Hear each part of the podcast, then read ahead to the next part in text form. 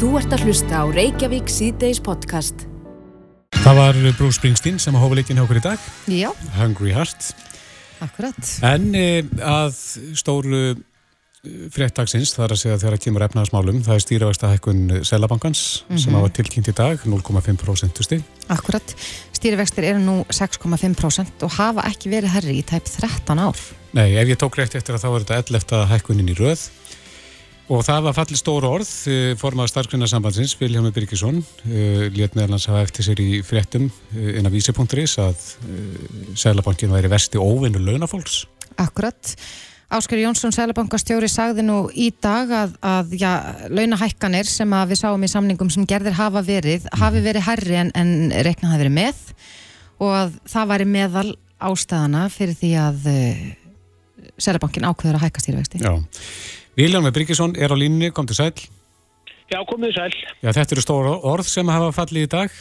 Já, það getur maður sagt annað. Við skulum heldur ekki gleyma því að þegar við erum í kjærasamniskerðinni í desember að þá fengum við eh, kaldar kveðju frá Sælabankunum þegar hann hækkaði, þegar við sátum þar við borði og vorum að reyna að uh, ná saman kjærasamningum, þá hækkaði hann stýrivextunum 0,25% stig Mm og uh, það setti nú allt upp í loft hjá okkur þegar við vorum í þessu viðræðum því að þetta var, voru ekki góðar kveðjur sem að Sælabanki var að uh, senda okkur þá. Og, og við tókum nú ákvörðinu það að, í ljósi þess að við vorum að gera skamtíma samning og ætluðum að reyna að byggja uh, þannig, þannig fórsundur að vextir myndi hér lækka og, og, og, og verðbólgan myndi fara niður. Þetta voru svona megin fórsundunar og ástæðan fyrir því að við gerum svona stuttan samning er það að við ætlum að gefa þessu núna þetta ár til að sjá hvort að uh, það séu fleiri aðilir þessu samfélagi sem að taka þátt í þessari vegferð með okkur. En það er alveg orður ljóst núna þegar Sælabanki stígur núna fram með hækkun upp á, á hálft prósentustig og er komin núna með stýrivextinu upp í 6,5% að þá er alveg ljóst að hann ætlar ekki að taka þátt í þessari vegferð og það er svona mér allavega óskiljanlegt þegar að fórsvarsmenn Sælabankas er að tala um það að þeir sé að styðja við kjærasamningana, þeir sé að hjálpa heimilónum við það að e, ná niður verðbólgunni með því að leggja hér 2000 uh, króna hækkun í hverjum einasta mánuði í formi uh, hérna, aukningar á, á, á, vakstabyrði heimilana. Mm -hmm. bara, þess, bara þessi vakstahækkun sem að núna kemur mun þýða það að ef hún fer öll út í hækkun á húsnæðisvöxtum hjá þeir sem eru með breytilega vexti þá er þetta svona 21.000 króna hækkun á mánuði á 50 miljón króna láni.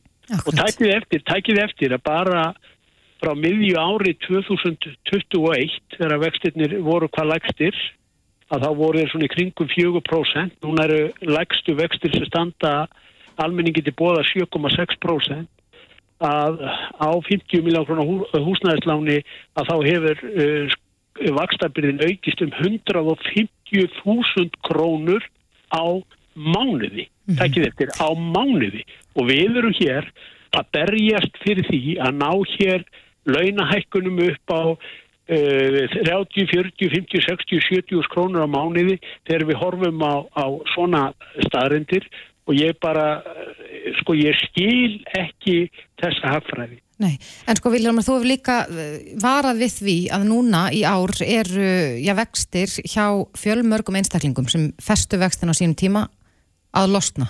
Hvað mun gerast þá? Þá mun þetta, já, þetta fólk sem þarf þá að endur fjármagna og, og, breyta sínum lánum uh, er, þurfa að takast á við þetta?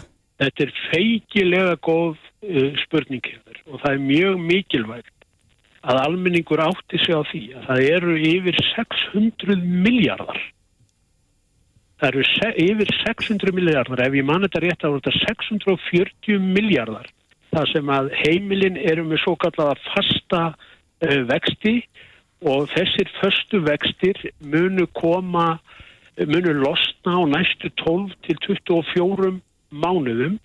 Flestir sem að festu vextina sína, þeir festu þá í kringum 4%.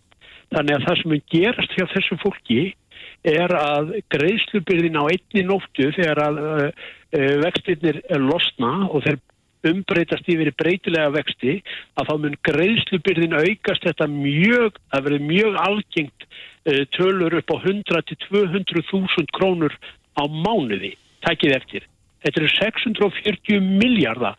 Ég kalla þetta snjóhengju sem að mun skella á heimilónum en það er mjög líklegt að öllu þessu fólki sem ekki mun geta staðið undir þeirri greiðslubyrði e, sem mun skella á þeim þegar, þegar þessir vextir losna að þeim verði aftur smalað inn í hinn ban eitraða koktel sem að heitir verðtriðlán mm -hmm. sem er daldið undarlegt vegna þess að þá er þetta stýrivaksta tæki selabankars á engan hátt að virka ef að fólk fer síðan aftur yfir í, í, í þessi verðtriðu lán. Sem er að gerast þessa dagana?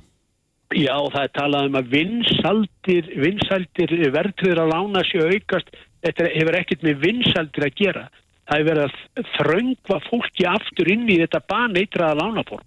Við skulum mm. átt okkur af því að þegar verðbólgan er 9,9% að þá er höfustóllin að hækka um 9,9% á ári. Hann reyndar hækkar ykkur um einasta mánuði um, um, um, um, um jæfnvel hundruðu þúsunda. Já, en, en þetta, þetta er, sagtu er að hlutverk Sælabankans, það er að ná stöðuleika í, í, í hérna fjármálunum. Já, hvaða, hvaða stöðuleika? Hva, hva, en hvaða, hvaða tæki hefur hann sem hann ætti að beita og, og hvað hefði hann átt að gera öðruvísi? Í, í, í fyrsta lagi þá hækkaði nýstluvísendila núna í januar um 0,85% stygg. E, tæplega helmingurinn af þeirri hækkun var fyrst og fremst vegna skattahækkana stjórnvalda eða 0,50% af þessu 0,85% er vegna skattahækkana stjórnvalda. Ef að stjórnvöld hefði ekki komið með þessar skattahækkanir þá hefði e, neysluvísitelan lækkað úr 9,6% niður 9,5%. Þetta var fyrst og fremst vegna aðgerða stjórnvalda sem að þetta uh, hérna, uh, þessi skattahækun kemur, kemur núna og það er eins og alltaf.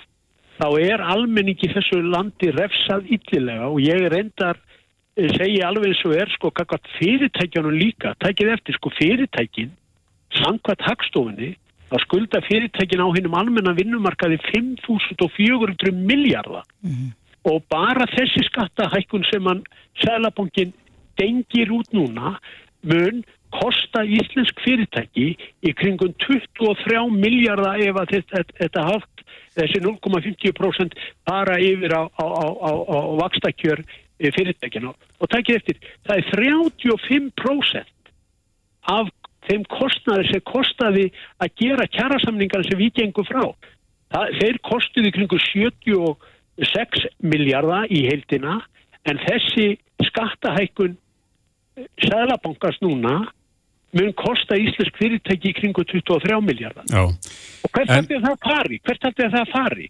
Annað heldur hann út í verðlægið. Fyrirtækin munur náttúrulega ekki gera neitt annað heldur hann að varpa e, auknum fjármáskostnaði út í verðlægið. Já, en Viljanmur, hann verður hjá okkur hér á eftir, Sælabankastjóri sjálfur, Ástýr Jónsson.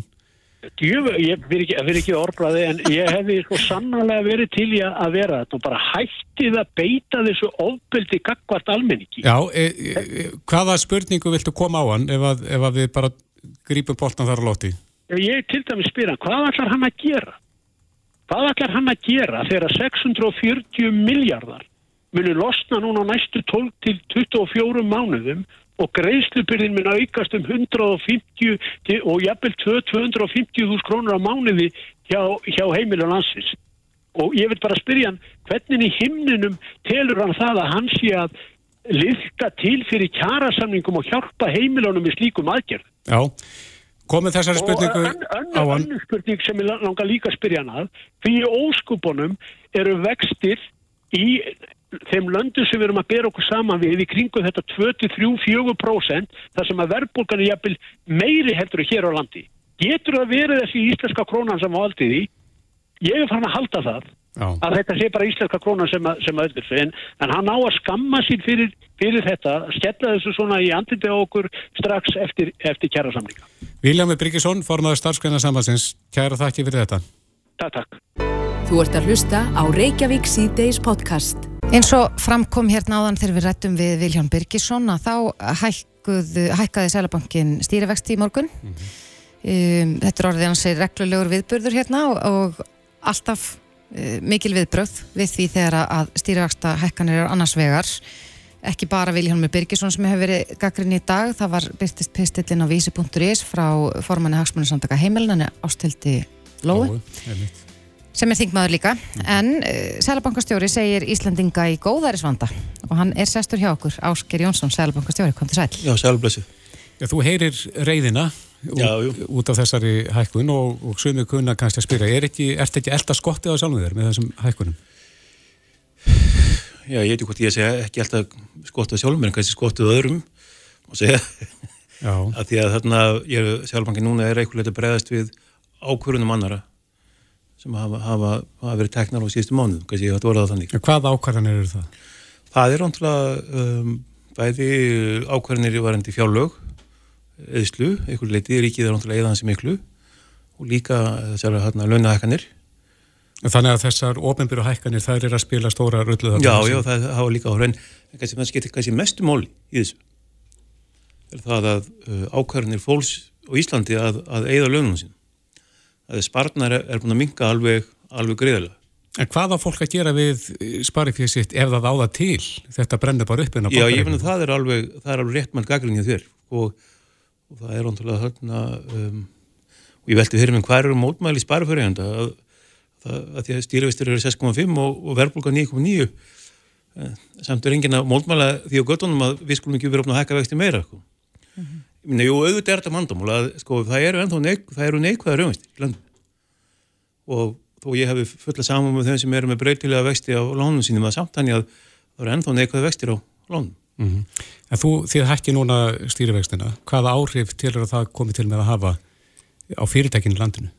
Ég held að þetta minni hafa eh, áhrif það að, að ég held að þessi gengi krónuna minni styrkjast, ég held að um, þetta dregur úr áformum fyrirtækjum að fjárfesta og, og að, að En fyrirtæki þurfa vantilega að velta þessari hækkun þá út í velagið? Ég það eftir að sjá hvernig það, það gerist. Ég... Sem að hækkar þá verðbólgu og sem að ítir þá eftir ykkur að hækka stýrivexti enn frekar? Það er svolítið ólíklegt að hæri vextir endulega auki verðbólgu, þú þart er þetta að sjá það fyrir sér en, en, en um, verðbólgu núna 9,9% og, og ég minna um, sem er bara alltaf mikið. Ég, við, við verðum að ná þessi niður það sem, að, það sem mjög alltaf skorta mm um, og það er bara kannski dæmigert fyrir hérna þarna íslitinga að gaggrina alltaf það sem er gert er. Sann kemur engi með eitthvað annað hvað er þetta að gera í staðin Nei, en, en voru það vonbriði að, að, að verðbólgan ég skildi ekki hjaðna í janúar eins og, og kannski svona gerist vanalega? Já, það voru mikil vonbriði ég, ég sjálf bjart sín alltaf bjart sín, ég var bara vonað það ekkert inn í haust að þú erum komið stjórn á þessu. Mm -hmm. og bara hérna En er það rétt að ef að ríkið og hefðu ofinbæra hefði haldið þessar höndum með þessar hækkanir þá hefði verðbólkan hérnað? Já, nei, sko, það er náttúrulega meira heldur en bara þessi, þessi gælskorhækkanir, það er bara svona almenn þensla í, í kortónum, sko, um, þensla vinnumarkaði og það er ekki talað um að launahækkanir per sé, bara það er mikið lettspöðandi fólki, það vantar fólk allstaðar og, um, og líka bara þessi eðsla, þannig að um, bara fólk er eða, eða og, sko, það, og það sem við kannski, það sem er að það sem við sjá þessu ári. Og það er erögt að kannski sjá alveg fyrir hvað gerist. Þá voru, hérna, voru, voru COVID ár það sem, að, það sem fólk gæti eitt peningum og satt fast heimi á sér og eitthvað og voru hérna, hólut um gluggan eða á sjónvapið eitthvað og, og sparaði pening. Og það bara, það var alltaf ár síðan að COVID takmarkarnir voru, voru afnundur mm -hmm. þá átti fólk mjög mikið peningum sem það bara greinlega ákvaði eða á þessu ári og við sjáum þetta peningar, þetta er ekki fólk að vera að taka lán fyrir auðslinni, þetta er bara átt, peningar sem það bara eitti. Mm -hmm. Hvað gerist á þessu ári, mun, mun þetta gangi yfir, er þetta bara fæsla á nýstlu við tíma, mun, mun fólk bara fara að slaka á núna, spara meira á þessu ári, það er vel mögulegt. Mm -hmm. Og ef að, og, og, hérna, og vinni minn Vilhelm Birgisson sem hann á að tala á hann, þarna, hann gerir mjög góða samninga fyrir sitt fólk og kannski einum og góða. Sen er verið að geta upp er það ekki ávinningin af þeim samningu núna? Já, sko, það er já, það er í, í þarna verbulgu. Um, við, við, við viljum, sko, um, við viljum tryggja það að, að félagsminn hans njóti uh, þeirra kaupmáttur sem, sem hann samdum um, en það sem margt sem, þú veist ég veit að hans fólk er ekki endilega háluna fólk sko uh -huh. og ber ekki endilega ábyrð á, á, á ásendin í landin, ég er ekki að segja það en, en það er náttúrulega skiptið með einhvern máli um, núna, núna síðustu kjærasanningum og það er ekki bara, ekki tala um vilja, ég er að tala um bara, bara alla markaðin uh, eru kjæra gerði kjærasanningar það sem að það er borgað til dælu miklu peningar núna strax út, fólk eru að fá peningar strax út. Nú er bara spurningin, hvað gerist við hennar pening? Mm -hmm. uh, ef að, ef að hann, hann er hann er eitt þá það vinnur það bara þenslu, ef hann er, er laðið fyrir og sparaður þá þá uh, mun það ekki gerast. Já, en sko Ásker, þú talar um, um góðaris vanda og svo já.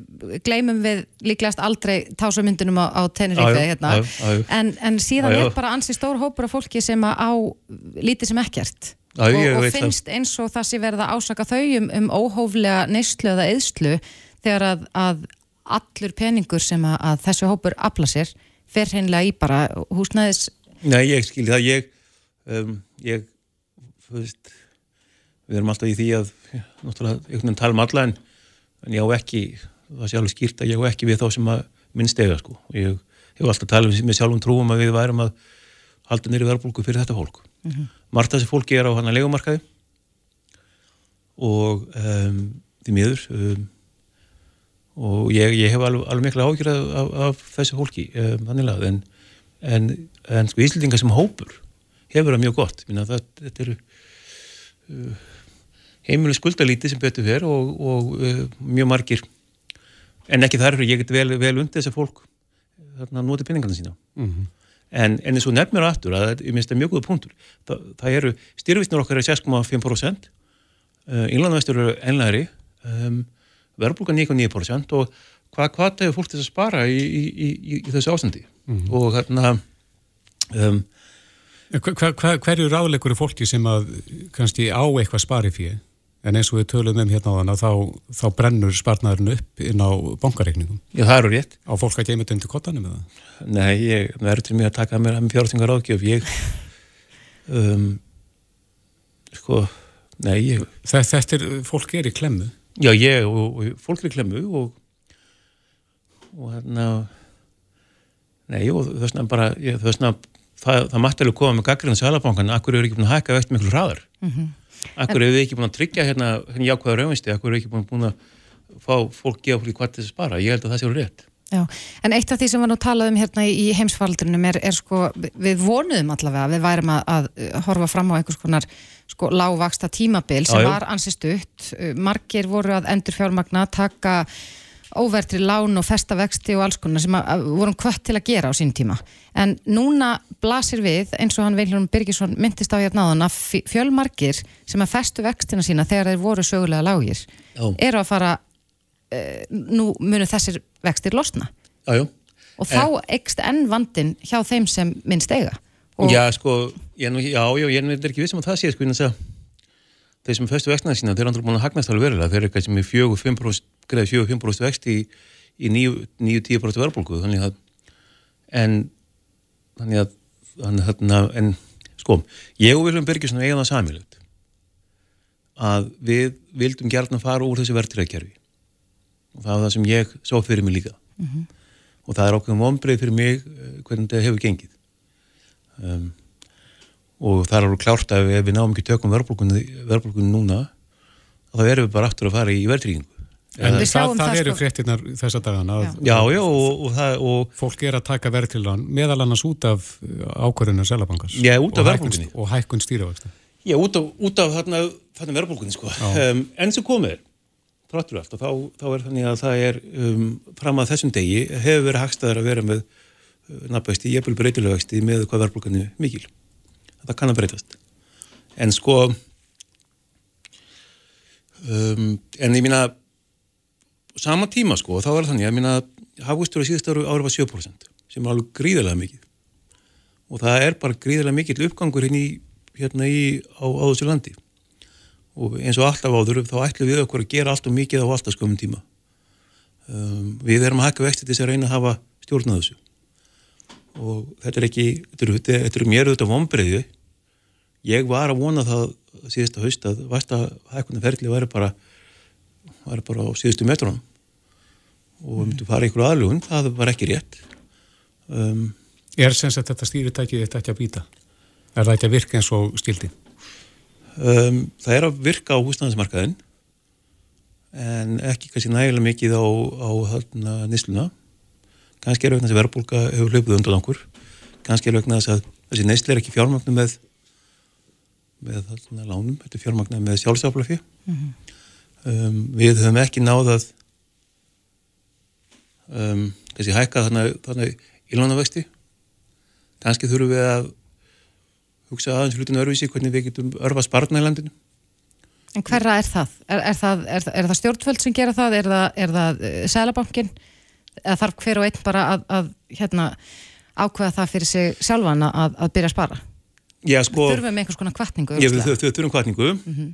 og stað til ávægsta fíð og, stað til ávægsta fíð, ég held að það sé verið rétt og hérna um, við sáum það síðast ári að uh, innlandavægstir voru ekki að fylgja okkur hjá bankunum ég held að það sé ekki, það sé ekki að gerast núna við hefum ja. lagt ansið miklu áherslu það að, að sjá uh, leðinni stýrafæstu sælabankans yfir útlandavæsti kannski ættum við að hugsa meir um hana í landavæsti Já, hann uh, Ragnar uh, Þór fórum að aðferð bentinu á það um daginn að já, almenningur er með spara fyrir sitt í banka og innlandavækstinir eru mjög lágir. En, en svo fara bankarnir og eru með, með vexti hjá sælabankarna sem eru tölvöld mikið herri Jájá, ég áttum á því og, og þetta er eitthvað sem að þarna, já, ég, ég veit það og, og við, við eins og er hafið í huga við ráðum ekki allu mörgum finnist við ráða alltaf miklu en, en við Þið hafið mikil áhrif. Við hafið mikil áhrif. En þetta er kannski eitthvað fókuspunktu sem við ættum að fara að hugað mm -hmm.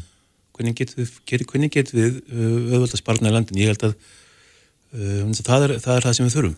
Og, en, en eins og segja aftur sko, gaggrinni, jú við tökum gaggrinni en, en, en hvað annar er þetta að gera, að verðbólgan er ekki að fara hérna að, að sjálfum sér sko.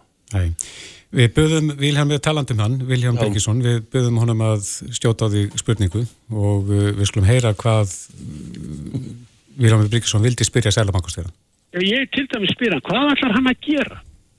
Hvað ætlar hann að gera þegar 640 miljardar munir losna núna næstu 12 til 24 mánuðum og greiðslubyrðin mun aukast um 150 og jafnvel 250.000 krónur á mánuði hjá, hjá heimil og landsins.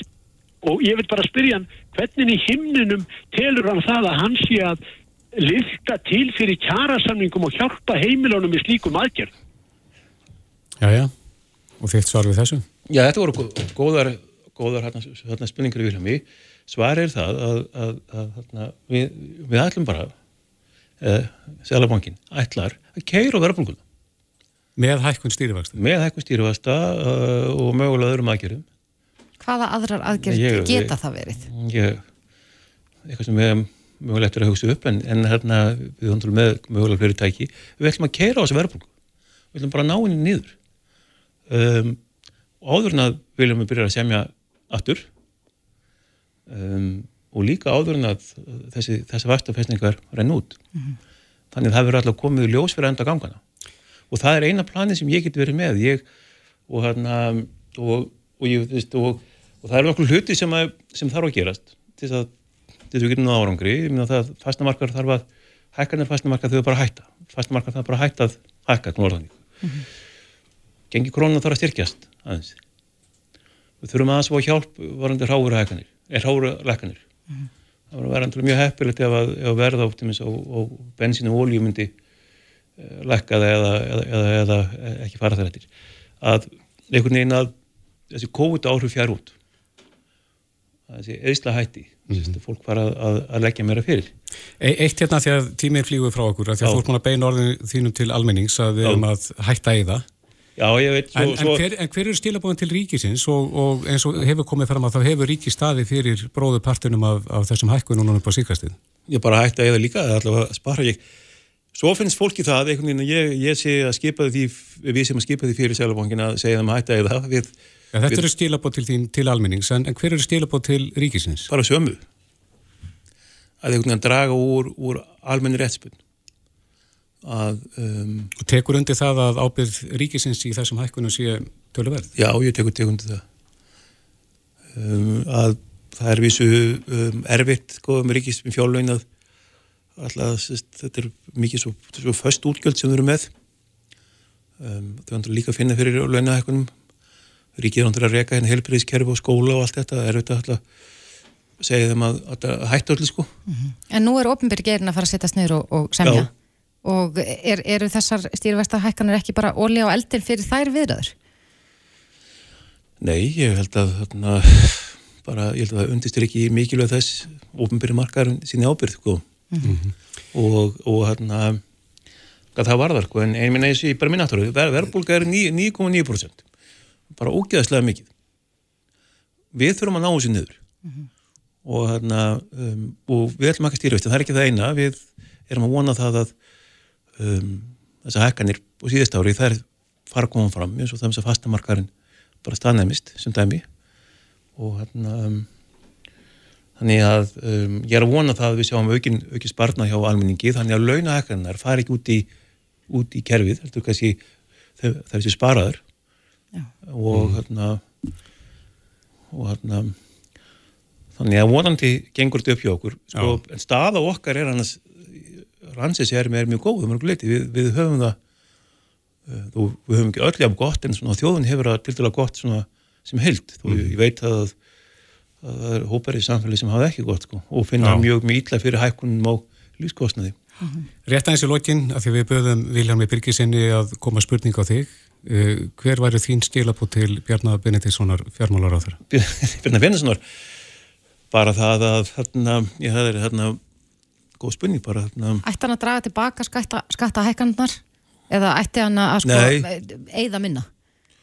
Bara, bara spurninginu hans, hvernig, hvernig ætlum hann á jafnbæg í ríkisfámálum bara með einhver áallum varandi það og, og það er að vísu uh, uh, ég held að það er ekki sjómálun hann til að vera tekin í hans svo alltaf sanginni sér gett í hans garð þá voru undir hans ráðhverju tíð voru ríkisfjármálun tekið mjög föstum tökum í upphæfi sérstaklega. Mm -hmm. um, ríki setti sér fjármál áallanir um, en uh, COVID-19 og allt það setti þetta allt úr jafnvægi. Mm -hmm. og mögul, mér finnst ríkisfjármálun ekki almenna að hafa náð jafnvægi aftur eftir, eftir COVID-tíman bara að, að mörgu leiti um, og, og þau, þau þurfa bara að taka þessi mál fastari tökum. Þau fengum mjög erriðt verkefni en hann en um, Eða svona ef ég streikum undir ástýr þá heyris mér þú er að bóða meiri hækkanir á stýruvöxtum Já já mögulega ég veit ekki hvað, hvað er að fara að gerast um, En þú varst vongóður í haust. Já, já. Erstu vongóður núna? Ég er alltaf björnsýn. Já. Ég, og, hérna, og það, er, það er bara, hérna, bara hérna, ættarfylgja og vera björnsýn. Ég, hérna, ég, hérna, ég er enn að vona það, við getum náðu tökum þessu. Enn að það, enn að vona það að þessi þættir sem ég nefndi sé að leggjast með okkur. Og við sem að ná verbulgu niður, niður í ásættilegt allavega ég er ekki eh, áallega þegar við náum verðbúinir tökum 5% fyrir loka ársins en við sem komum henni verðulega mikið niður um, þannig að þegar að það er næst samið í kjærasanningum að þá getum við myndað um, einhvern plan saman um mm -hmm. það að, að, ná löngu sanningi og sem vonandi fylgur í sig vastalækni Já, það er setna þessu ári Það er setna þessu ári e, eh, Ástýr Jónsson, Sælabankastjóri Kæra þætti fyrir komina Já, takk ekkur Þetta er Reykjavík C-Days podcast Jæja, það maður geta þess að þetta lag sem við heyrðum hérna með Miley Cyrus uh, fór á topp bylgjulistans í gær Þetta er vinsalasta lagið á Íslandi Já. á bylgjunni og reyndar við þeim heim Akkurat, sló öll með þegar lagið komin á Spotify mm -hmm. Áði aldrei neinu lagi verið stremt jafn ofta og jafn stuttum tíma eins og þessu lagi Nei, akkurat, enda, enda saga á bakvið lagið Já, en að allt öðru uh, Um daginn var sagt frá því að, að krabbaminn spáinn mm -hmm. uh, hér á Íslandi er ekki mjög björnt. Talað er um að, að krabbaminnum munu fjölga um 52% á Íslandi á næstu 17 árum mm -hmm. og með við það sem ég sá að þá erum við já líka svolítið uh, verðstöld, mætti segja, heldur en uh, svona nákvæmna þjóður okkar. Já, er hún svartar í spáinn hér? Mér sýnist það. Já. En Ólegu Kristjana Bjarnadóttir, krabbaminslæknir og formaði félags íslenskara krabbaminslækni komið til okkar, velkomin. Kæra þekkir og takk fyrir að bjóða mér. Já, þessi spá, um, hvers vegna erum við að spá svona mikill aukningu? Er þetta, er þetta bara það að við erum að eldast eða eru aðrir þættir sem að spila þarna inni? Sko ég held að fyrst og fremst er þetta mitt að, að þjóðin er eldast og við erum svolítið á eftir bara öðrum löndum með mitt að eldast þannig að það er svona það sem að skýrir starfstan hlutan á þessu, mm. myndi ég telja. Uh, hérna, já, þannig að það er svona fyrst og fremst aldur streifingin, bara það eru fleiri sem lifa lengur, bara út af meðferðum röllum uh, bara óháð sjúkdómum og öðru, mm. lífstímin lengist þannig að ég held þessi fyrst og fremst uh, háð því og eins og ég sá í viðtala venna höllu hjá Krabbminsfélaginu með að menna eftir svona 30 ári er bara svo miklu fleiri 85 ára og eldri en til mhm. dæmis í dag En eh, hvað þýðir þetta? Hvernig, hvernig verður við að bregðast við? Sko, það, og ef, ef maður hugsa út frá krabbameinum þá er líka bara með nýju meðferðum öðru, þá lifur fólk lengur með krabbamein. Mm. Alltaf það er alltaf, maður hefur það alltaf að leiðaljósi upp að vera eina lækna sjúkdóminn því það er það sem maður er bara markmið meðferðanar, við viljum uppræta og lækna sjúkdóminn, en ef að það er ekki hægt, þá gefur maður meðferð til svona í lífslengjandi tilgangi og þær meðferðir hafa orðið betri og í bara allmörgum tegundum krabba meina, það er svona háð því hvar upprunin er. Mm -hmm. og það er svona mismun eins og til dæmis í lúnakrabba meinum hefur þetta bara mikla breytingar orðið, bæðið út af svona ónæmisörfandi meðferð sem svolítið virkir ónæmiskerfið að raðast á krabba meinum og eins út af marksæknum meðferðum. Þannig að þetta hefur svona bara gjör breytt landslæginu hvernig mm -hmm. það er að greinast með sjúkdómin er á dreifðustíði og þannig er þetta meðhundla sjúkdómina lengur en maður gæt áður mm -hmm. sem er náttúrulega bara frábært.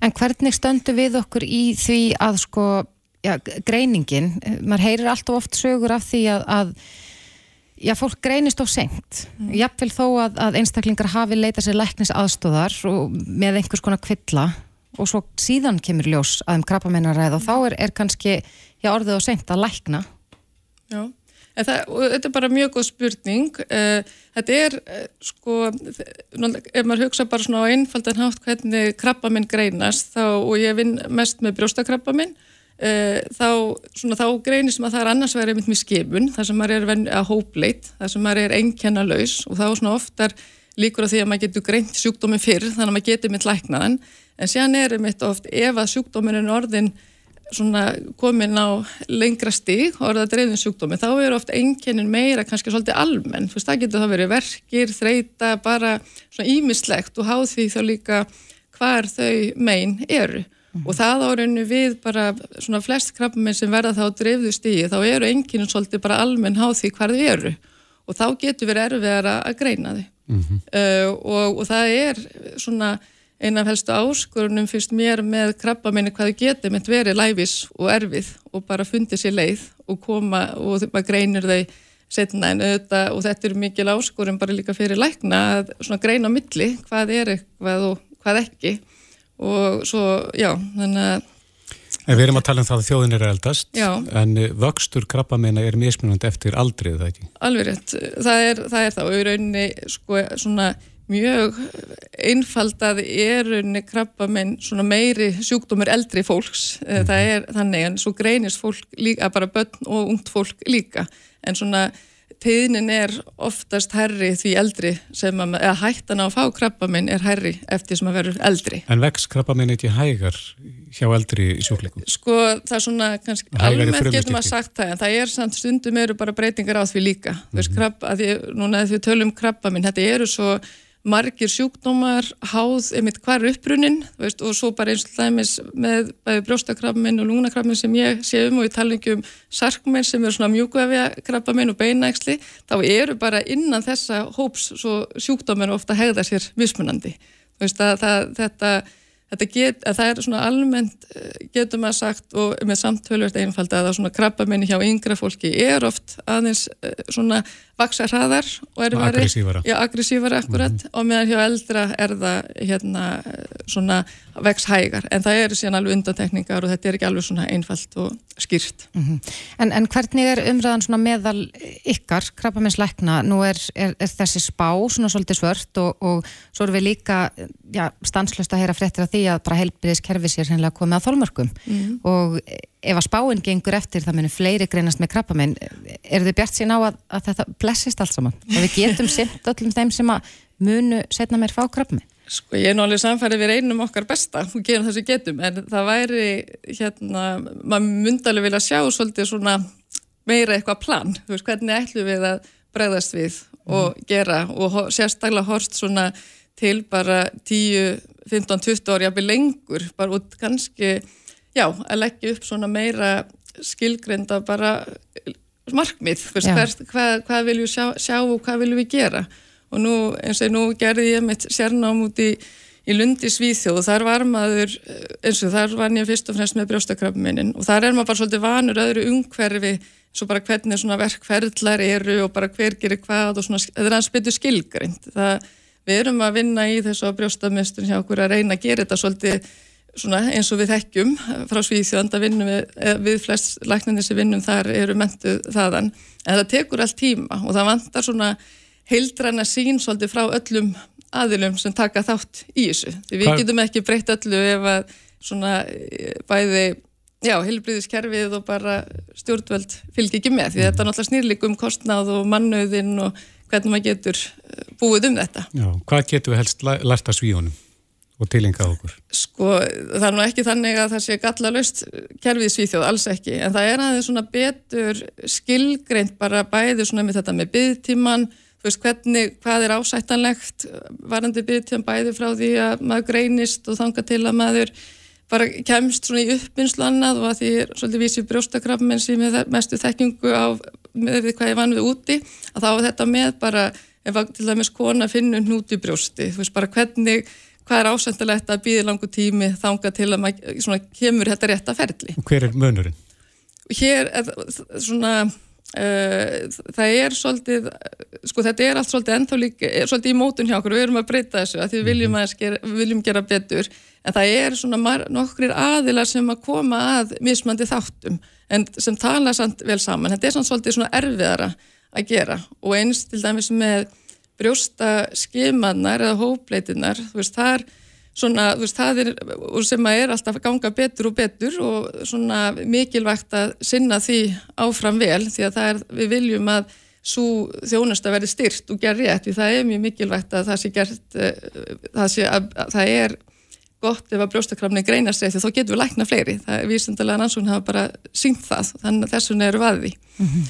en það er svona, það er svona bara ferlið í heilsinni, bara frá því að maður greinir enginni og þanga til bara niðurstæði komin og sjúklingur komin í meðferð og, eða viðandu meðferð, veist, þetta er eitthvað sem við erum alltaf að vinna í og erum að vinna og búin að breyta ymsu, en svo snýr þetta líka svolítið að bara svona aðgengi og ymsi þættir sem hafa Já Er þetta að taka of langan tíma hér á landi núna eins og staðanir?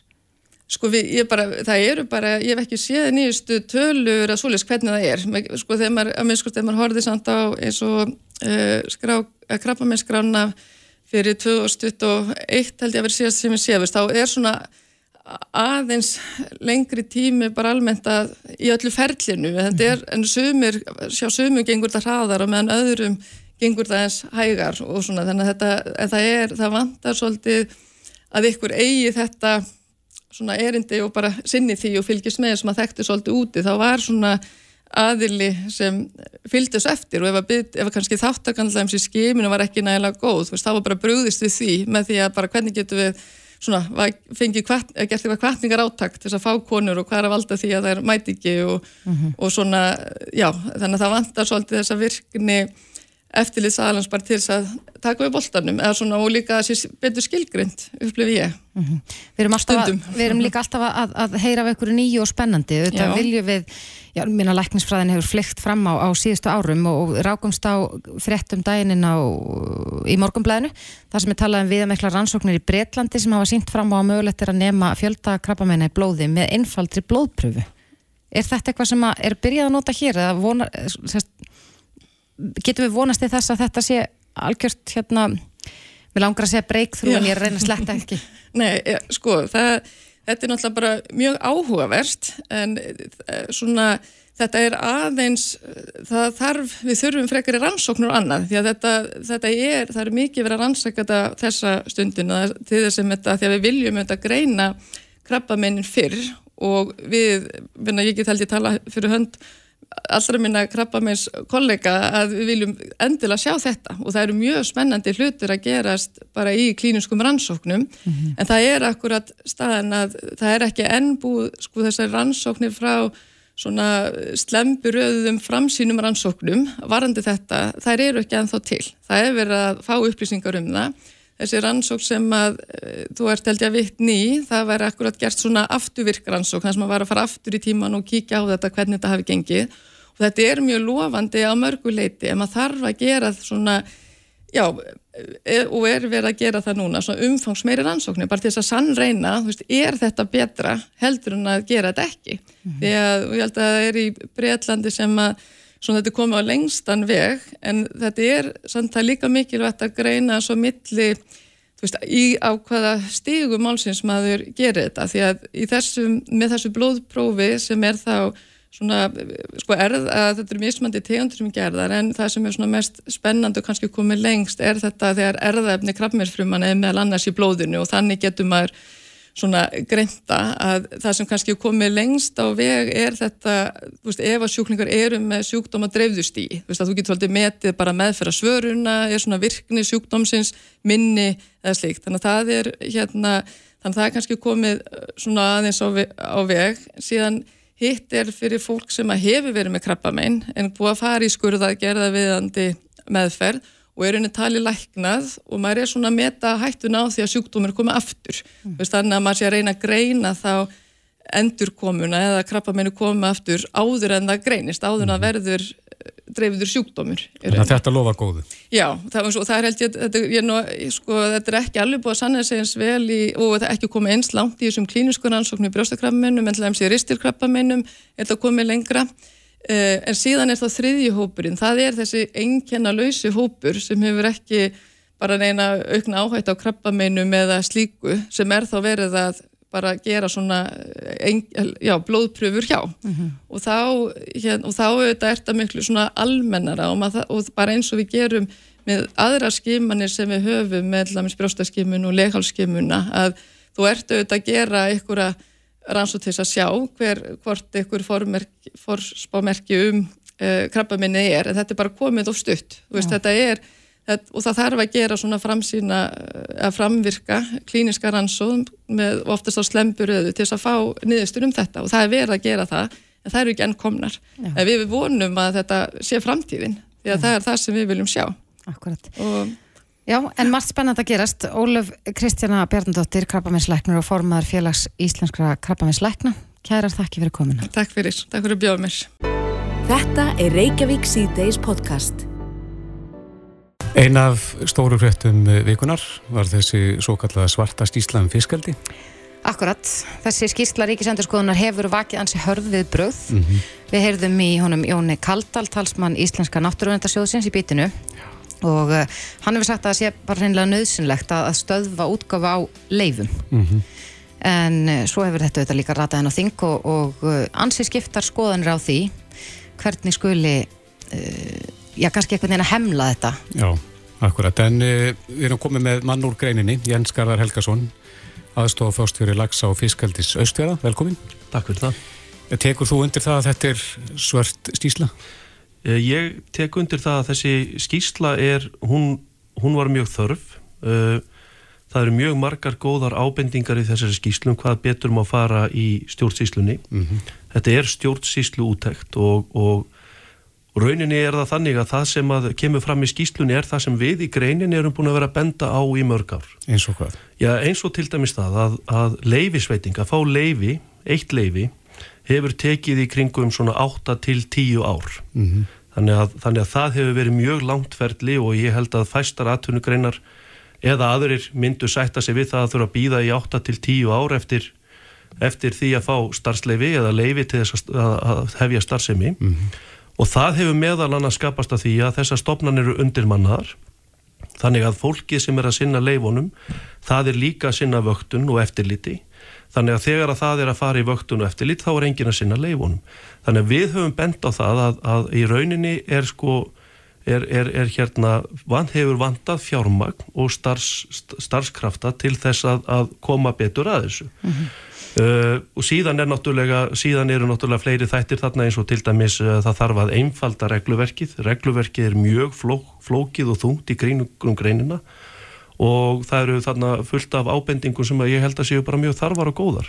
En þú talar um að, að það takir svona greiðilega langan tíma að fá leiði en samt sem áður hefur verið bent á það að, að sko, já, þessi atvinnugrein er að vaksa gríðarlega rætt í raun og veru þá hraðar heldur en regluverkið sem að, að þið vinnið eftir Nei, við, við, störfum, við störfum eftir þeim lögum og þeim reglum sem eru settar af alþingi Íslendinga og, og, og, og allt það. Og það sem við höfum verið að gaggrina er að í rauninni allt ferlið hefur tekið langan tíma. Mm. Og það að, að, að atvinnugrein sé komin upp í 46, 45, 50 þúsund tonn, það þykir nú ekkit stórkóslega mikið. Við erum með nákvæmlega nokkar í færium, það er eitt fyrirtæki sem er að framleiða 100.000 tonn og all, allur innar á Íslandi er að framlega 45.000 tonn bara svo stæmi sér tekið. Mm -hmm. þannig að ég, ég myndi nú ekki segja að greinin sem búin að vera að vaksa sko, eitthvað óeðlilega hratt en það er búið að vera vöxtur í greinin sem betur fyrr en við verðum líka átt okkur á tímalínunni. Frá því að við kaupum hrókn og byrjum að klekja þau út að þá líða þrjú til fjögur ár þangar til að við förum að sjá útflýningsverðmæti úr, úr þeirri afurð. Þannig að mm. þetta er, þetta er tímafrekt og þetta tekur langan tíma þannig að ef að leifi tekur tíu ári ferli og við fáum leifi þá líða sko þá eru komið 13-14 ár að við fyrir að sjá útlunnsverðmætti mm. En það er svona helst sett kannski út á sjókvíjaldi í þessari stíslu og umgjörðin í kringum það. Já, þetta snýst, eh, snýrað, snýrað rauninni stjórnsíslunni í kringum sjókvíjaldi en, en svona varðandi eh, umgjörðina í fjörðunum sjálfum Já, ég, sko, rauninni er það þannig að greinin hún starfar eftir mjög ströngu vöktunar eftirliti. Uh, það er, það er í rauninni þannig að, að, að þú getur farið hort, farið inn á matvælastofnun og farið inn á mælaborð fiskaldis hjá matvælastofnun. Þar getur þú séð nákvæmar upplýsingar sem eru uppfarðar mánarlega um í rauninni uh, á hverjum stað hvað er mikið að fiskja á stöðunum, uh, fóðurnotkun, afföll, það er allar upplýsingar mjög vel framsettar hjá mælaborði fiskaldis í matalastofnum, það er allt upp á borðum hjá okkur. Uh, eftirlit og annað, vaktanir uh, vaktanir á sjáabotni og annað. Þetta er uh, það er rauninni, ég held að séu fáar atvinnugreinar sem eru undir eins stráng, ströngu eftirlit og vaktun í okkur. En hvað með fiskar sem sleppa og blandast við náttúrulega lagsin? Já, nú sjáum við til dæmis að, að, að það kemur núna upp eitt stórt atvik núna fyrir vestan. Mm -hmm og það gerist í ágúst 2021 hvað eru margir af þessum lagsum sem hafa komið upp í árnar í raunni? Það eru, það fundust 20 lagsar í mjölká sem er nú bara örstuðt á og svo kemur virkunin sem er bara hann að rétt við hlýðina en annars hafa þessi fiskar það er það sem við höfum líka verið að benda á og er að, að það er nánast ekkert sem er að skila sér upp í árnar og það, í lagsviðánum hefur þessi fiskur ekki fundist. Mm -hmm.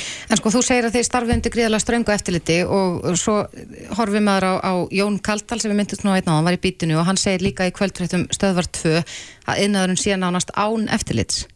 Já, e þetta, er bara, þetta, er bara svo, þetta er bara svo rámt hjá Jóni Kaldal að, að, og margt sem að kemur frá Jóni Kaldal er náttúrulega bara Ég, ég trúi því að Jón viti betur en, en, en það er sko, ef mann lesa bara reglugerðnar, reglurnar og eftirlitið og vöktunna sem er yfir greinina að þá eru fáar atvinnugreina sem eru undir eins mikillir vöktun. Það er bara þannig og, og, og við sinnum líka ákveðnu eftirliti innan hjá okkur. Við erum ekki aðlup fisk til að sleppa fiski, við erum aðlup fisk til að skapa uh, útlunningsverðmæti og vera í verðmætasköpun og skapa störf. Mm -hmm. þannig, að, þannig að hérna, það er okkar hagur líka að þessi uh, bæði umhverjusvöktunin og annað sé sko upp á tíu. En hvað með, með eins og lífriki sjávar, nú hefur verið bent á það allavega frá Íslenska náttúruvendasjónum að, að þetta, já ég raun og verið bara skaði lífrikið í sjónum, sjókvíaldið sem slíkt. Já, sko við erum með bæði burðaþólsmat og áhættumat og burðaþólsmatið segir til um það hvað við getum verið með mikið af magni af fiski í hverjum fyrði og þannig að burðaþólsmatið sem er framkvæmt af, af hérna Hafránsónstofnun það er búið að meta það hvað er hægt að vera með mikið að fiski hverjum fyrir því út frá ströymum, dýft og, og svo framvegs uh, í þessari umræðu þá finnst mér líka skjóta svolítið skökku við að Jón Kaldal sé að halda því fram að við sem að búum bæði fyrir austan og vestan að við séum að taka þátt í atvinnustarfsemi sem er eiðilegja lífríki fjarðana okkar sem höfum búið þarna og jafnvel kynnslóðum saman í árhundruðir og nýtt rauninni gæði lands og sjávar að við ætlum að verða kynnslóðum sem eiðilegjum fyrir okkar en það ef, þú, ef menn hugsa það af hverju ósköpunum ættu menn að eiðilegja vera búin að sko það er búið að fjárfæsti í þessari atvinnugrein fyrir um 70 miljardar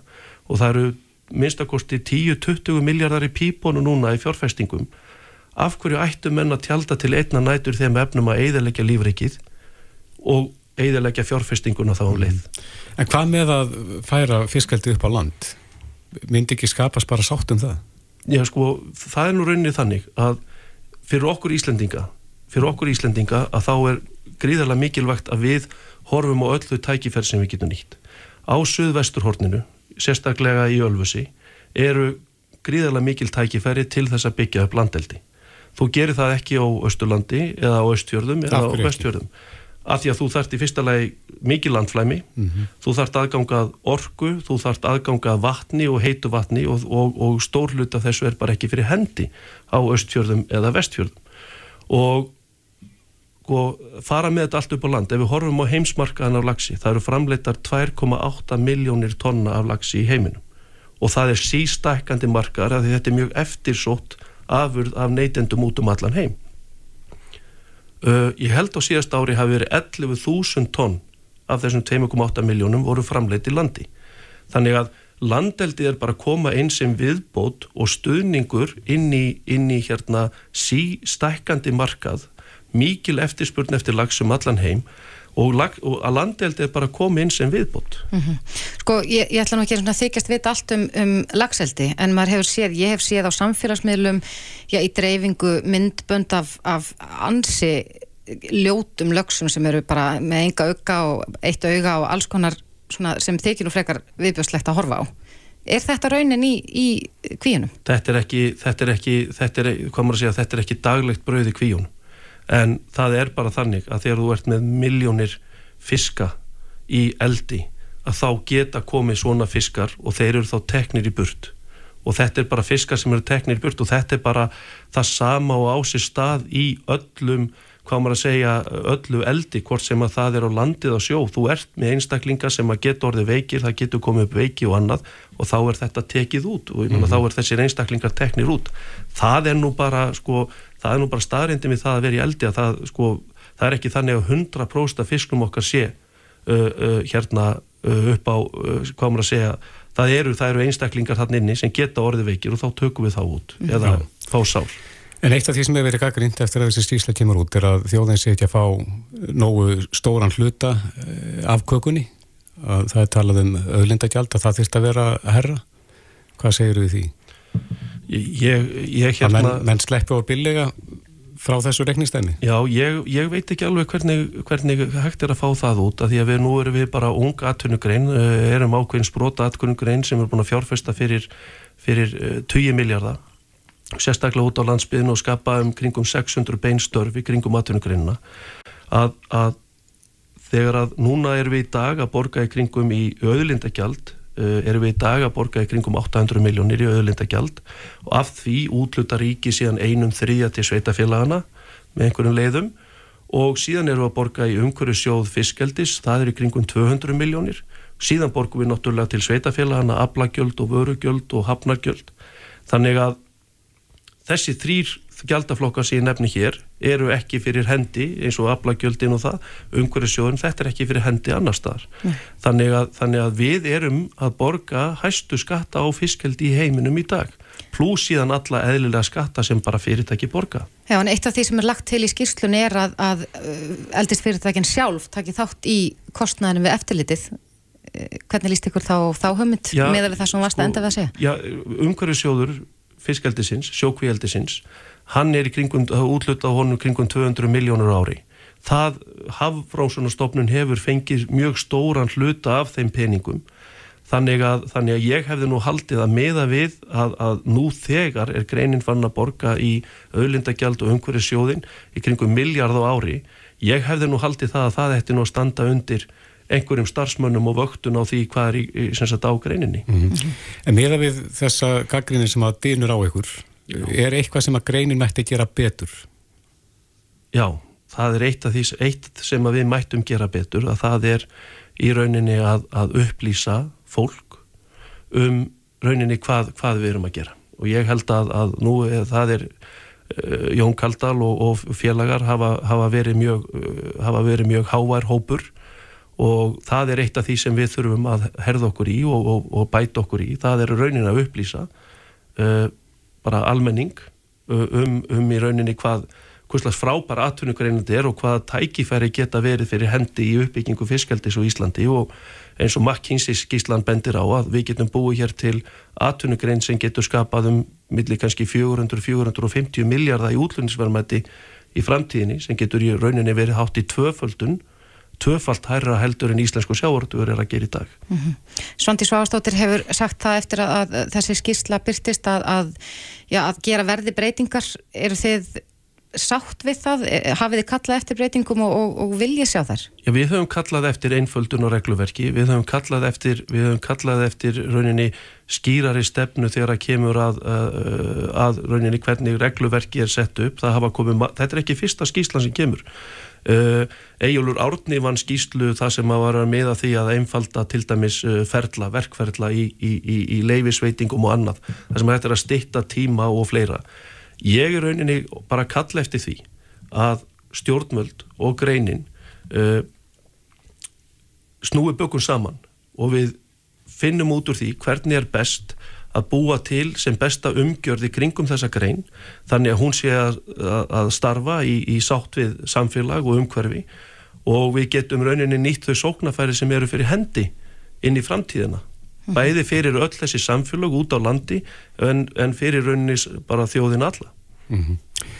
Láta þetta vera að loka orðin Jens Garðar Helgason aðstofástjóri Laxa og Fiskaldis Östfjörða, kæra þætti fyrir komuna. Takk fyrir. Reykjavík síðdeis á Bilginni podcast. Jæja, áframhöldum við Reykjavík síðdeis. Hér um daginn, fyrir ekki allengur síðan, þá rættu við eins um æfingagjöld í hjá Íþróttafélögum hér í höfuborginni. Mm -hmm. Og við höfum fengið ábendingu um það að Íþróttafélög hafi hækkað æfingagjöldin sín ansið ríflega. Já, sem nefnur hækkun á, á frístundastyrk borgarinnar. Já, og stundum í... meira. Já, Einmitt. En það, þetta er nú eitt af því sem var rætt hér í sveitastjórn og kostningurum í vor þegar að, eh, ég held að það hafi verið framsóknarflokkurinn sem að, að barðist fyrir hækkun á frístundastyrk um 50%, mm -hmm. 25.000 krónur ári. Hann hækkaður 50.000 í 75.000. En svo erum við að heyra dæmi um það að já, einhverjir, einhver félög hafi hækkað um jafnvel 30.000. Já, og beintengja þetta við þessa hækkun. Já, en menningar, íþrótta og tómstundar ráð Reykjavíkuborgar hefur verið með þetta til skoðunar og hefur gert alvarlegar aðtöðasemtir við þessar hækkanir og hann er sestur hjá okkur, Skúli Helgason, formaður ráðsins, kom til sæl. Já, sælverði. Um, við höfum heyrt ansi margarsögur um, um ríflegar hækkanir hjá fleirin einu og fleirin tveimur íþróttafélögum hér í borginni og það var varað við þessu að íþróttafélögin gætu gert þetta ef að frístundastyrkun hækkaði. Er þetta vonbreiði að sjá að þetta sé að raungerast? Já sko, ég vil fyrst segja þetta hérna, frístundastyrkurinn bara tilgangur hans er að auka þáttöku og virkni barn og ungmenna í bæði í þróttum og öðru tómstundastarfi og við fylgjum því mjög fast eftir að, að þessi hækkun sem er 50%, þetta er helmingshækkun í einu skrefi sem er það mesta sem sérst hefur síðan þessi styrkur varð til að hann renni fyrst og fremst til fjölskyldna í borginni mm -hmm. er, og við bókuðum borg... alveg um það fyrir áramót við mm -hmm. hérna, gerðum það í lokn november að þá óskuðum við formulega eftir því í þessu ráði að, að við tækjum höndum saman íþrótta reyningin í borginni og borgarstjórn um það að hafa taumhald á verðhækkunum til þess nákvæmlega að verja þetta fyrirbæri og bæta hag eh, barnafjölskyldna því að það er ekkit vanþörf á því. Mm -hmm. Eru Íþróttafélagin að fá styrki frá borginni? Já, já, já, það eru samningar sem að Íþróttabandara Reykjavíkur heldur utanum við Íþróttafélagin í borginni og þau er að vinna frábært starf og gríðarlega mikilvægt fyrir líðhelsu og, og hérna forvarnar starf og, og bara almennt lífsgæði barna og ungmenna í borginni þannig að þetta eru mikilvægi samstagsæðilar okkar og þess vegna vildu við sína svona í verki bara að við lítum þannig að þetta er samilegt verkefn okkar mm -hmm. og mjög mikilvægt að mann standi sig í því og við tókum máli fyrir hann í lóknóvambur, tókum það aftur fyrir á síðasta fundi e, þegar við vorum með mitt eins og þið að fá ábendingar um að það veru dæmi um mjög miklar hækkanir og langt umfram verðbólgu kölluðum eftir upplýsingum frá IBR og þeir svo sem eru ennþá að taka saman hildamindina. Þeir mm -hmm. gerðu stikkpröfur og er eh, komið tilbaka og sögðu það er okkar niður stað með þessar fyrstu hérna, upplýsingar sem við hefum fengið að þetta sé ekki almenn regla að, að íþjóttafélagin sé að hækka umfram verðlag.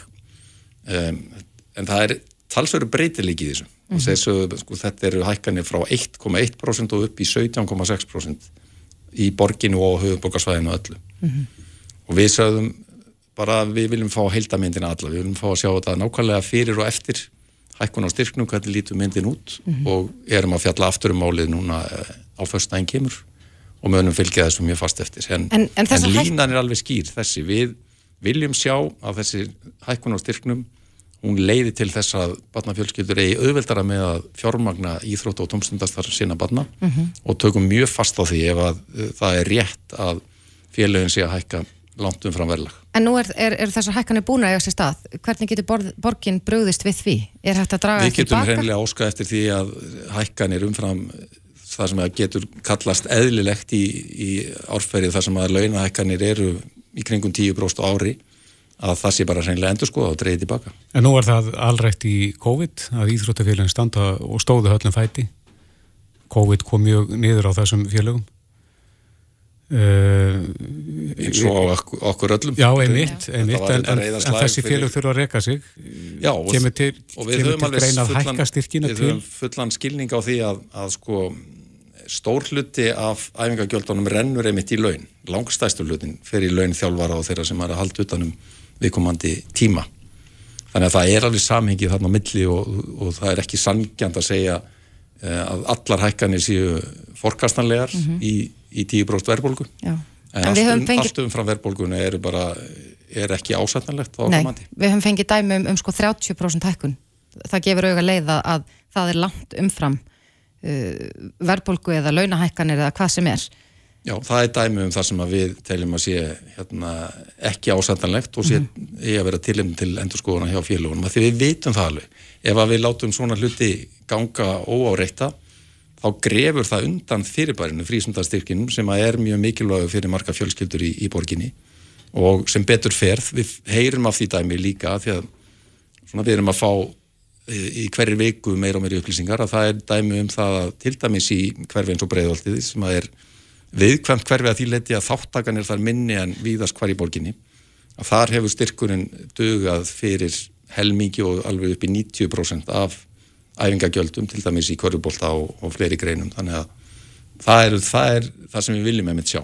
Mm -hmm. en ekki það að menn sé að nýta tækjafæri núna og hækka upp úr öllu valdi.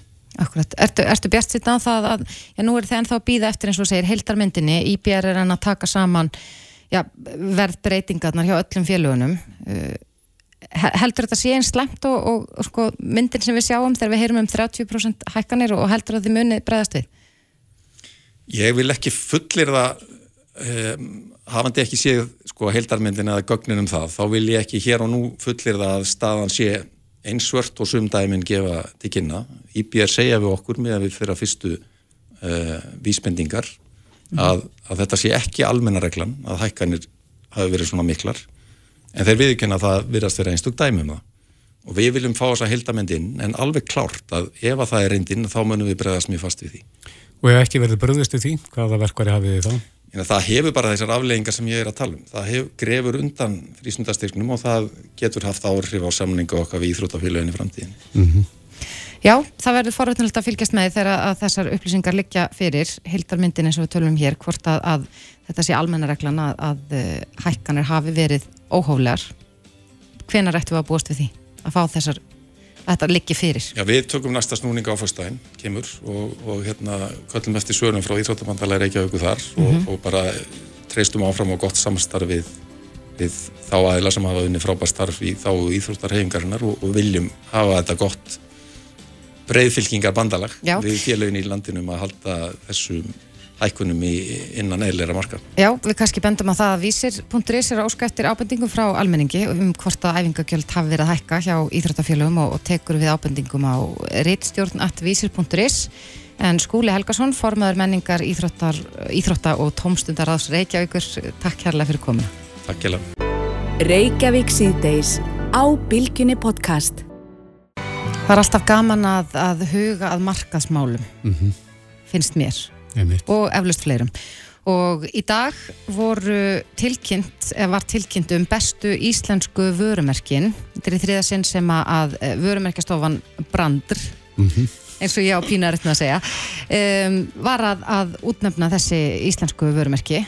Og það er ansið margt skemmtilegt svona þegar maður fer aðeins að hugsa út í já, hvers vegna þetta en ekki hitt vörumerki að, að sigra í sínum flokkum og, og reynda skemmtilegt að líka var núna verið að, að veita viðurkenningu fyrir sko, einstakling einstaklingur fekk viðurkenningu fyrir sitt persónulega vörumerki með segja. Já, Það er áhugavert. gaman að heyra þessu. Fyrir glasin, eigandi brandr vörumerkjastofu, er komin til okkar, dósent við Háskóla Ísland.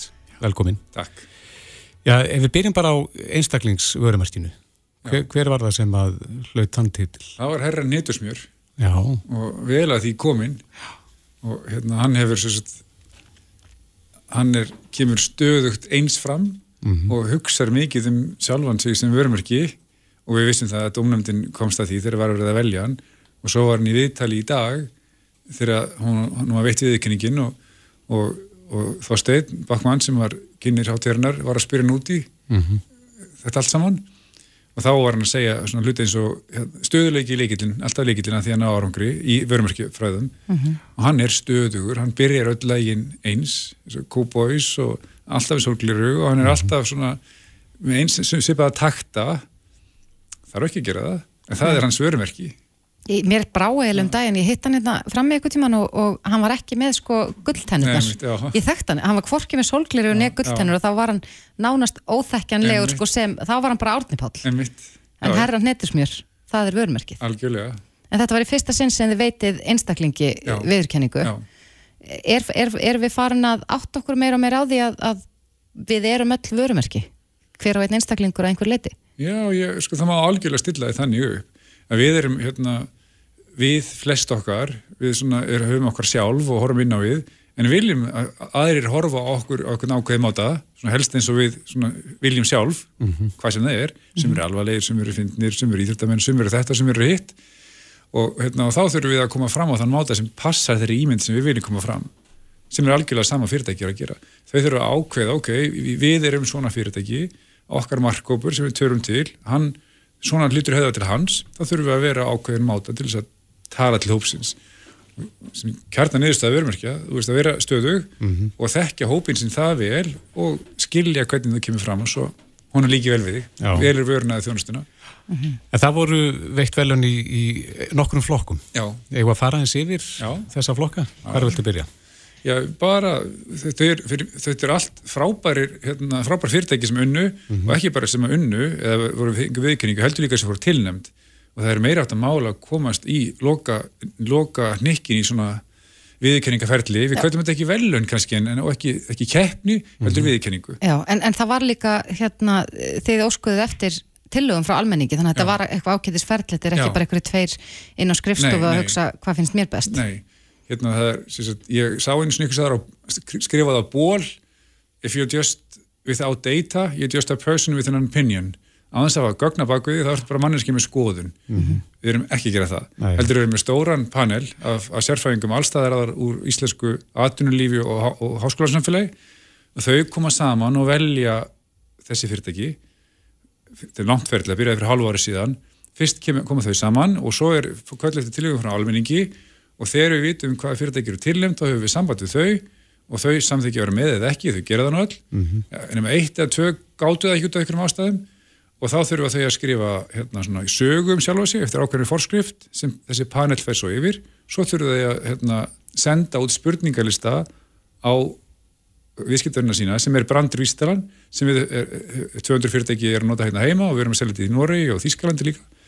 Og þá er komið töluleg niðurstöðum hver, hver með hæstu töluna. Mm -hmm. Þannig að valið er mjög vel raukst. Já, mjög, já, mjög. En ef við byrjum á, á fyrirtækja markaði, Já. besta vörumerkja á fyrirtækja markaði, þarna voru tilnæmt Advanja, Brandenburg, Biko, Controlant og Origo. Mm Controlant fekk viðurkenninguna. Já, já. Hvers vegna? Já, það er alltaf skoraði hæst í Út þessu sem var nefna, en, en af hverju er það gott vörumerki? Það er bara, það, sérst, það er náttúrulega gengur vel þarna og eru með vöru sem að hitti vel á í COVID að, að koma, koma livjum til einstaklinga og svo, óskemdum og svo framvegis, en þau hugsa líka ekki bara um sig sem fransli fyrirtæki, sem, þau hugsa um sig sem vörumerki. Og ekki síst vegna þess að þau eru að reyna að ná í hægt starfsfólk og einhliðin á því að vera stert vörumerki, eitt er að, veist, að auka arðsemi fyrirtækisins, en hitt er að sterk vörumerki höfða til fólks sem vil vinna hjá þér. Og, og það, þau gera það engar vel. Þau, þau koma sér að framföra þann máta að þau ná í hæft starfsfólk. Þannig að það er eina ástæðan til dæmis. Hvaða deild skiptir það mestu máli þarna? Er það markasteild fyrirtækisins eða... þetta er góð spurning. Já. sko, maður vil helst ekki vera að horfa mikið á síló eða silos, maður vil ekki vera að horfa á óveiklega deildaskiptingu í nútíma fyrirtæki að þá viljum við hafa svona frekar flatt skiplag þar sem fólk er einfallega að tala saman. Það er ekki markasteld sem markasettur, söldeld sem selur uh, samskiptadeild sem sér um pér heldur á þetta að vera svona kannski ekki sem hendin en allavega í ykkur samfellu. Flæði þarna Já, milli. þannig að man, mannöðsstjórin og markastjórin þurfa að vera vinnir. Já, ég man svo vel eftir umræðinni þegar að Google var svona kannski mest ábyrrandi og það var bara á allra vörum um allan heim hvað það væri örugglega frábært að vinna á Google. Þau voru með eitthvað ping-pong borð og rosalega gaman í vinnun og svona. Þetta skiptir þá máli Já, já. út að, upp á vörumerki sjálft. algjörlega. Ekki bara varan sem þau síðan eh, afhenda eða 100%. þjónusta. Ég hef heimsátt höfstöða Google, ég hef aldrei upplifað svona stórkostlega hlut. Þetta var svo öðruvísi, sko, hvernig þetta var stilt upp. Og það var til þess að halda í gott starfsfólk og halda þeim á staðunum sem þeim myndi vinna meira og allt það. Eh, Bestu alþjóðlegu vörumerkjana í Íslandi. Eh, Þar voru tilnæmt Boost, Dominos, IKEA, KFC og Nokko. Og hvað var fyrir valinu? IKEA var efst Já, og hérna, þarna eru það, þetta var svolítið svona flókið fyrir okkur að þetta er bestu íslensku vörumerkin en þetta eru alþjóðlega stór erlend vörumerki en það er nú þannig að þó að það sé svona sérleifi, viðskipta sérleifi eða erlend vörumerki að þá eru markasteildir á Íslandi og í hverju landi fyrir sig og þær geta verið misgóðar. Og við erum þá að skoða hvernig íslensku teimin vinna fyrir þessi tilteknu vörumerki. Og IKEA vann að hérna, IKEA er náttúrulega bara svona svo húsgagnarvesli sem allir fara í eða vantur úrsögn, hugsa fyrst um það. Þegar komum okkur á þann stað komum sér á þann stað í okkar huga að við hugsum oftast fyrst til IKEA þegar við erum að spája þannig húsgögn. Og hinn er mendanum eitthvað sem við EPAL og eitthvað svo leiðis en þannig erum við með þessa tegunda húsgögnum og þessi veitingastaður dregur að og þau pítsudeig og kleinur og einhvern veginn eru þau bara svona nálagt okkur. Og þau eru einmitt svona stöðug, stöðug, stöðug upp tröst árið um kring og við förum að inn og okkur líður vel og við veslum, ger allt vel. gera allt vel já. Þannig, að- og auðvitað kemur eitthvað frá Svíþjóð eftir forskrift en þau mættu í viðtal eftir hérna í dag þegar þið sigruðu. Og það er mun meira frálsræði sem þau hafa í að vinna með sitt vörmerki heldur maður heldur þetta er ekki bara sangat forskrift á utan Nei. Ísland er oft öðruvís með það, við förum aðra leiðir sko þegar við erum í sérlefi Já, þannig að þetta er allt svona, svona sniðið að íslenska markaðnum. Já, í rauninni, já. Mm -hmm. Grunnurinn er sænskur og allt það og eins með hinn fyrirtæki sem er þetta, Dominos og þetta er og Boost og, og hvað var, þetta er alltaf bara frábær. Það var líka Nokko. Nokko, þetta er alltaf bara frábær, bara ótrúlega sko, það er bara synd að þurfa að velja eitthvað neitt en, en tölurna tala, Já. þannig var það. Og heiður að vera tilnæmt. Já, algjörlega. En svo, Eh, já, já, svo var það einstaklingsmarkaðurinn, þeir skiptu því í tvent, það voru fyrirtæki sem eru með 49 eða færri Mhm. starfsmenn og, og svo 50 eða fleiri mm fyrir minni sérst, þar sem eru 49 starfsmenn eða færri voru Mhm. mm tilnæmt Alfred, Blöss, Dynout, Hopp, Smitten og Svens Mm. Hvað vann þarna? Já, aftur, bara þegar þú le- le- lest þetta upp, það bara hugsa mikið óskaplega, er þetta flott fyrirtæki? En eitt vann, eitt var efst og það var blöss, annað árið í röð. Og, og þar, þar eru við með fyrirtæki eða einstakling eða teimi sem hefur breytt landslæginu svolítið, svona, þeir eru svona tóku það á sig að breyta viðhorfi okkar til kynlífstækja og gera það svona já, ekki svona mikið tabú og óþægild að tala um það og bara breyttu því en það er ekki þetta er ekki tilviljun. Þetta fyrirtæki er búið að vera til í 12-13 ár annarkur, 13 frekar en 12 og það er búið að vinna stöðut að þessu markmiði alla þennan tíma. Og aftur kem ég að þessu orðið stöðuleiki á stöðugan máta hefur verið byggt upp vörmerki og akkurat núna er það að skila sér bara síðustu 3-4 árum kannski bara í mikil, mikil arðsemi og mikil þekking á fyrirtækinu. Og þau eru valin í þetta hlutverk. Já, gerður náttúrulega frábær í því sem hún gerir Já En þá er það uh, fyrirtækinu stafsfólk 50 eða fleiri, 66 gráða norður, uh, Borgarleikúsið, Íslandsbanki, Krónan, Orkan, Play og Sky Lagoon. Já, enni dundurflokkurinn og Já. þar var Krónan með flest stíin og Krónan er bara, það eru mjög, aftur mjög góð fyrirtæki og 66 norður vann tvö síðustu ár, mm -hmm. þannig að það er ekkit óeðlilegt við að sömu fyrirtækinu sé á listanum ár eftir ár út af stöðuleika, mm -hmm. það var eitthvað skrítið ef að þú erir gott fyrirtæki eitt og gott brand eitt ár og slæmt næst ár þá er bara, ættir ekki heima þarna, Nei. en krónan var það efst og krónan eins og blöss breytir sko ásýnd smásölu vestlunar bara í landun í rauninni því, og, og það er gert í gríðarlega stert markastarf í stert vörumerki sem nær hjarta fólks er einhvern veginn næra hérna, breyta ásýnd lágur verslana og bæta þessum umhverjusvingli og einhvern þann máta sem fólk sem höfða til fólks. Mm -hmm. Þau hafa líka auðvitað verið mjög framarlegi í svona allskynns tæknin í ungum, komið til móts við fólk sem vil kannski breyta því hvernig það vestlaður ymsir sem er núna alltaf að skanna og skunda og vita alltaf allir hvað það er að skanna og skunda já, já. eitthvað sem var ekki til áður. Órætveikir tilraunir, órætveikir mistök og, og prófa hluti sem mögulega viðskiptarinn til hagspóta og ef það virkar ekki þá bara segir þetta ekki ekki upp í okkur, prófum eitthvað annað. Og, og það er svona, þau eru svona óhætt við að bara, já, fara nýja leiðir. Mm -hmm. gott við erum ekki á að vera stöðut en það er ekki, stöðut því það er ekki staðinnað það þarf að vera, þarf alltaf að prófa sér áfram. Mm -hmm.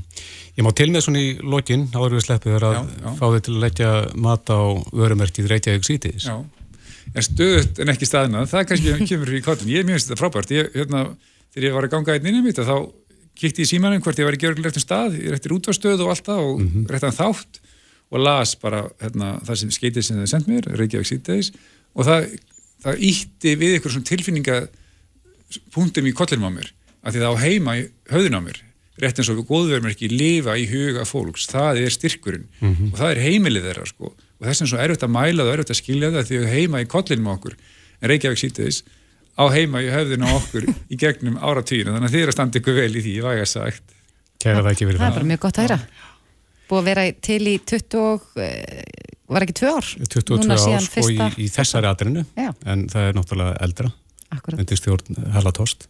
Akkurat. En uh, Freirik Larsen, uh, kæra það ekki verið komina og til hamingi með daginn, segjum við bara. Takk fyrir það. Hlustaðu hvena sem er á Reykjavík C-Days podcast.